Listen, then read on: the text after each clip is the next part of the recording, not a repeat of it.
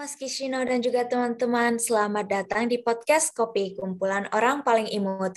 Sebelum kita masuk ke topik pembahasan hari ini, baiknya kita kenalan dulu nih. Ada aku Keja, NPM-nya 609-2001-036 sebagai moderator. Hari ini kita ada tiga narasumber yang keren-keren banget nih. Coba kenalan dulu dong. Hai semuanya, halo Mas Kucino. Nama aku Vanessa Valencia, NPM aku 609-210-20. Hari ini aku bakal menjelaskan tentang latar belakang kasus dan juga research question atau pertanyaan penelitian dari kasus ini. Halo semuanya, kenalin nama aku Angelina Jennifer, NPM aku 692-0010-18.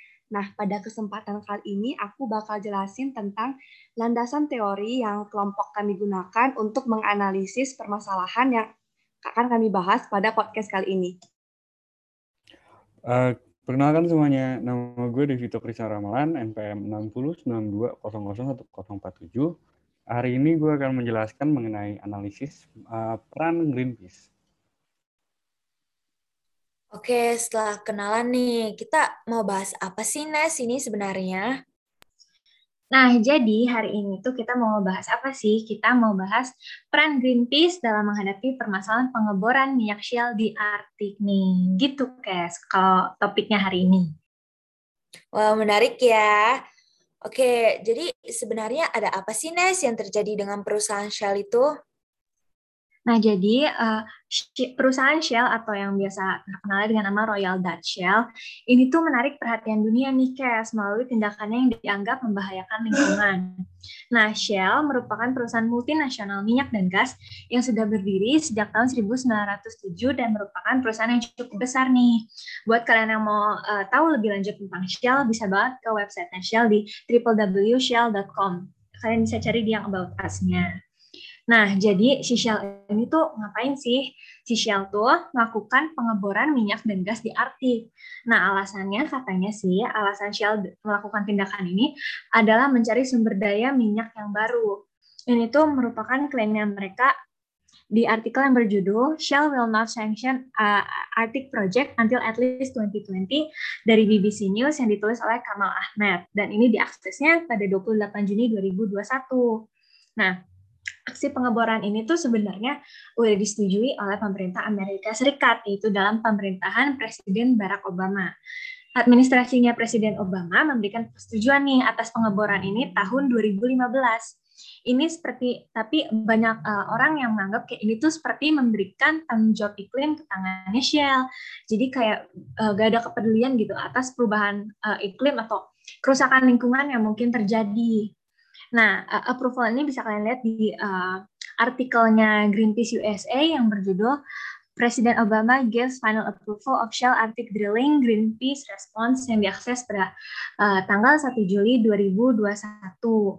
Nah, tindakan ini nih mendapat banget reaksi dan kecaman dari berbagai pihak. Dan yang paling uh, gencar atau paling keras mengkritik aksi ini tuh adalah organisasi Greenpeace gitu, Kes. Oke Nes, tadi kita ada ngomongin sekilas ya tentang Greenpeace. Jadi sebenarnya Nes, Greenpeace ini itu apa sih dan mengapa Greenpeace ini mengecam tindakan pengeboran minyak?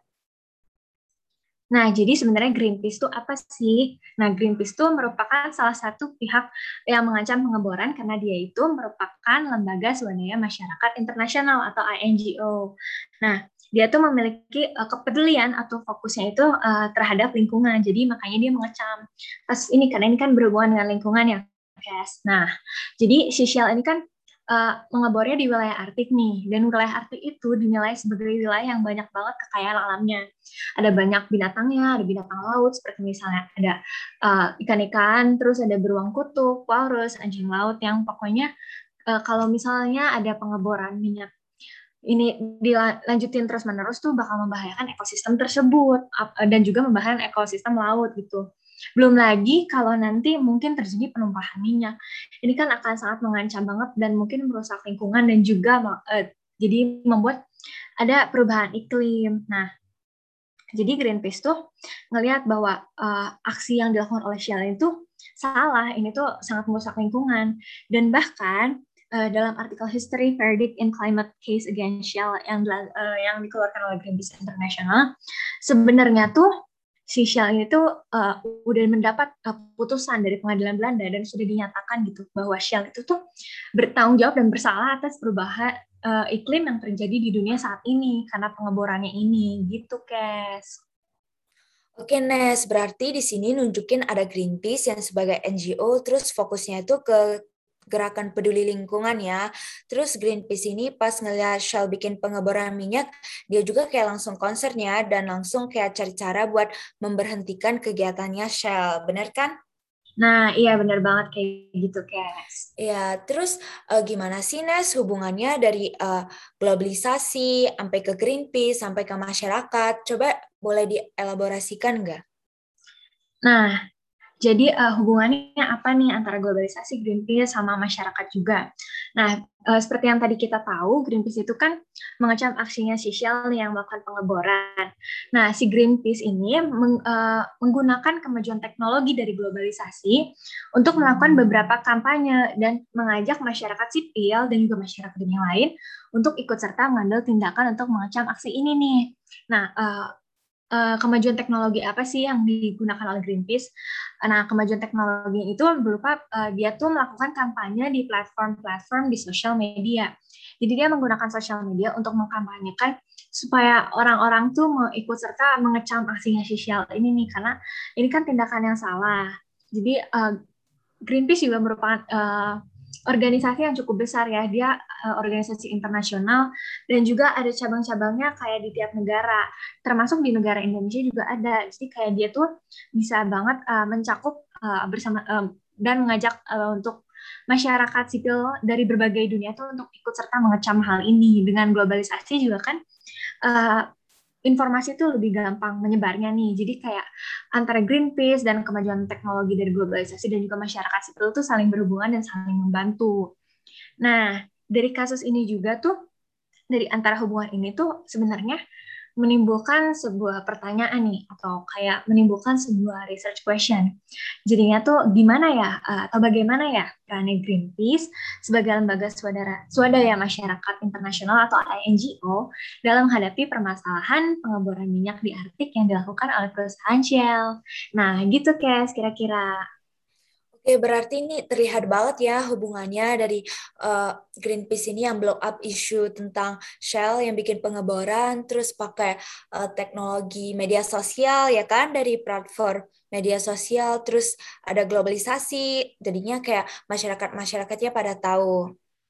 Oke, setelah kita ngomongin tentang akar masalahnya, tentang perusahaan Shell, tentang Greenpeace, nah sekarang ada teori gak sih yang paling bisa ngejelasin tentang kasus ini? Atau ada teori apa yang paling relevan terkait uh, dengan kasus pengeboran minyak di Arktik?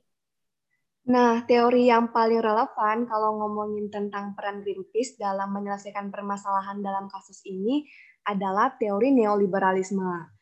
Teman-teman pasti familiar kan dengan neoliberalisme karena paradigma ini sendiri merupakan salah satu paradigma yang terkenal dan penting dalam studi HI.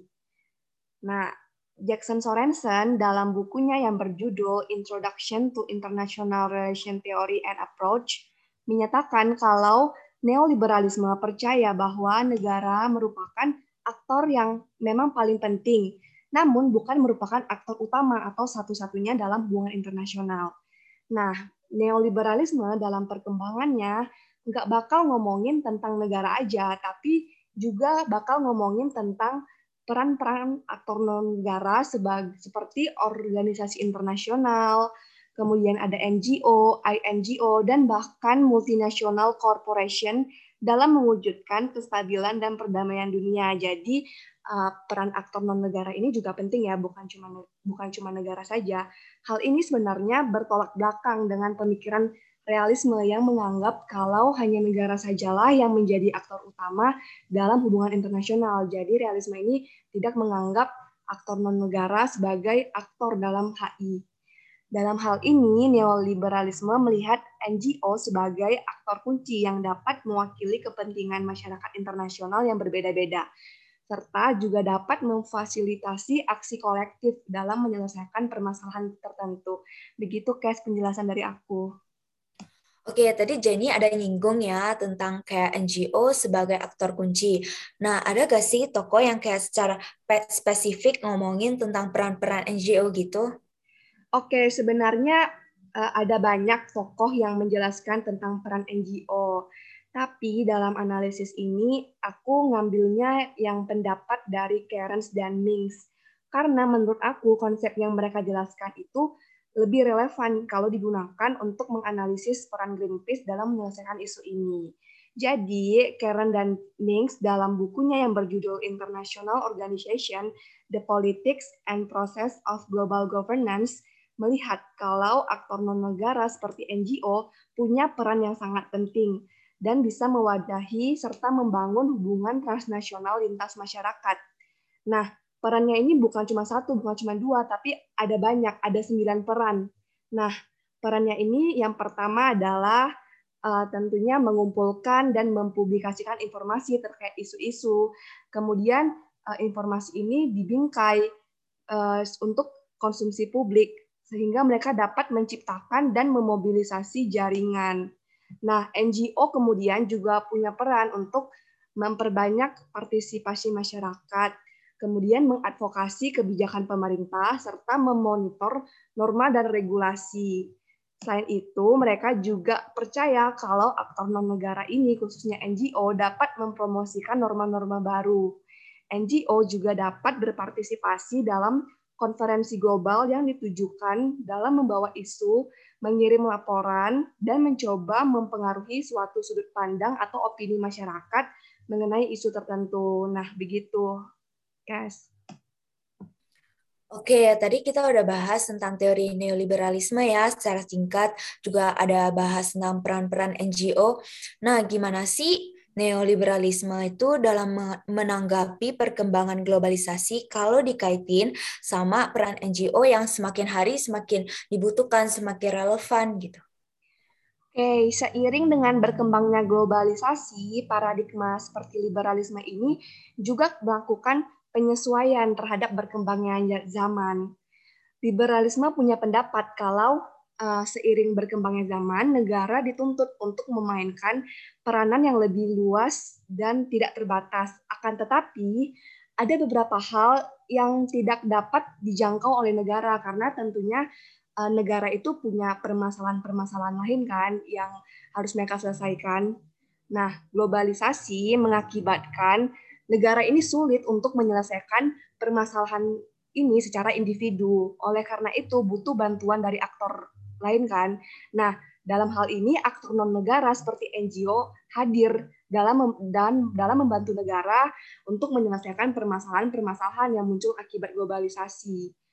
Nah, NGO dalam globalisasi juga memanfaatkan fitur-fiturnya untuk membuat masyarakat transnasional agar lebih aware dengan suatu permasalahan yang ingin diselesaikan secara bersama. Begitu kayak penjelasan dari aku.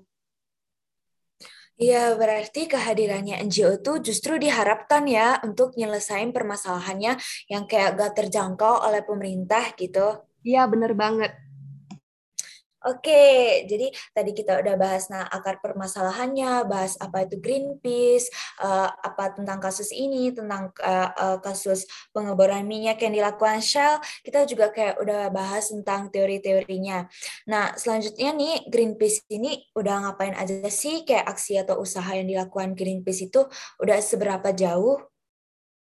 Nah, Greenpeace sendiri itu dalam uh, peran Greenpeace yang dilakukan dalam permasalahan pengeboran di Arktik itu menurut paradigma neoliberalisme dalam teorinya liberalisme institusional, menurut Sorensen dan Robert Jackson, dalam bukunya Introduction to International Relations, Theories and Approaches, paradigma tersebut memiliki suatu pandangan bahwa institusi internasional memiliki peran dalam sistem internasional untuk mendorong dan mempromosikan kerjasama internasional perihal permasalahan-permasalahan tertentu Hal tersebut dilaksanakan melalui aksi-aksi yang bertujuan untuk menyediakan informasi, meningkatkan kesadaran, dan pengurangan biaya. Nah, dapat dilihat juga eh, aksi-aksi yang dilakukan Greenpeace dalam permasalahan pengeboran di Arktik uh, dia telah berperan sebagai advokator dan penyedia informasi dengan tujuannya itu untuk meningkatkan kesadaran masyarakat dan dengan adanya globalisasi teknologi yang meningkatkan teknologi informasi Greenpeace telah memanfaatkan hal tersebut sehingga uh, dia dapat menyebarkan informasinya dengan cepat melalui sosial media dan websitenya juga sehingga kesadaran masyarakat akan permasalahan tersebut semakin meningkat sampai pada tingkatan di mananya ada pelaksanaan aksi konkret untuk memberhentikan pengemburan Arktik sepenuhnya. Aksi yang dilaksanakan Greenpeace dalam sosial media sudah beragam dan menarik perhatian jutaan orang di seluruh dunia melalui kampanye Save the Arctic. Uh, dan selain itu, Greenpeace juga melaksanakan perannya untuk mendorong adanya kerjasama internasional untuk membuat kawasan Arktik menjadi sebuah daerah cagar alam dan juga mendorong untuk adanya pembuatan resolusi PBB perihal permasalahan tersebut. Nah, itu sih. Oke, berarti uh, Greenpeace ini bukan cuma concern tentang kasus ini ya, tapi juga emang ada aksi yang dilakukan ya, ada actionnya kayak yang dari platform media sosial, dari website juga. Iya benar ya. banget. Iya, oke. Okay. Terus sekarang nih, gimana sih kaitannya uh, kasus pengeboran minyak ini sama teori yang uh, dikasih tahu Jenny tadi, teori neoliberalisme? Nah, dari teori yang dikasih tahu Jenny tadi, itu kan ada sembilan peran NGO menurut Karen. Nah, itu dilakukan oleh Greenpeace itu ada tujuh yang sudah dilakukan. Yang pertama, mengumpulkan dan mempublikasi informasi dan dilakukan melalui riset-riset dan dipublikasi melalui sosial media dan websitenya yang kedua itu menciptakan dan mobilisasi jaringan.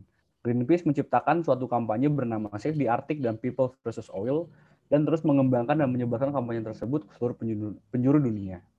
Ketiga dan keempat adalah untuk meningkatkan partisipasi masyarakat dan mengadvokasi pemerintah melalui petisi dan donasi demi mendorong pembuatan kebijakan dan juga dilakukan juga uh, adanya pelaksanaan demonstrasi terhadap pemerintah yang mendukung aksi pengeboran tersebut uh, yang kelima dan keenam, Greenpeace sendiri sudah memonitor dan membuat laporan mengenai situasi pengeboran Arktik di website utama mereka dan akun sosial media mereka. Ketujuh, Greenpeace juga sudah mempengaruhi pandang masyarakat yang buktinya dapat kita lihat melalui partisipasi masyarakat dalam tanda tangan petisi untuk mendorong pemerintah dan melalui akumulasi donasi yang telah dikumpulkan. Gitu aja sih. Oke, tadi Devito ada nyinggung ya tentang peran NGO yang dilakukan Greenpeace itu uh, dari 9 baru tercapai 7. Nah, sebenarnya ini uh, emang Greenpeace gak bisa capai dua peran lainnya atau gimana, Devito? Uh, lebih ke arah belum sempat sih, belum sempat untuk um, menyelesaikan peran kedua tersebut. Karena kan emang untuk uh, partisipasi dalam konferensi global juga nggak segampang itu dan juga butuh waktu yang lama untuk untuk bisa apa ya eh, untuk bisa masuk dalam konferensi global tersebut. Oke, berarti nggak bisa instan ya. Mungkin di beberapa tahun ke depan bisa ya perannya tercapai semuanya. Iya, bisa, bisa banget sih. Oke, ini dari tadi kita udah ngomongin panjang lebar nih. Sekarang nih pertanyaan terakhir. Jadi kan uh, menurut kalian itu ini itu fully pencapaiannya Greenpeace atau benar-benar ada kayak campur tangan juga dari pemerintah yang dukung mereka dari belakang atau gimana gitu? Oke, kalau menurut aku sendiri ini nggak bisa ya dibilang fully pencapaiannya Greenpeace. Karena bagaimanapun sebenarnya dukungan dari negara atau pemerintah ini juga penting.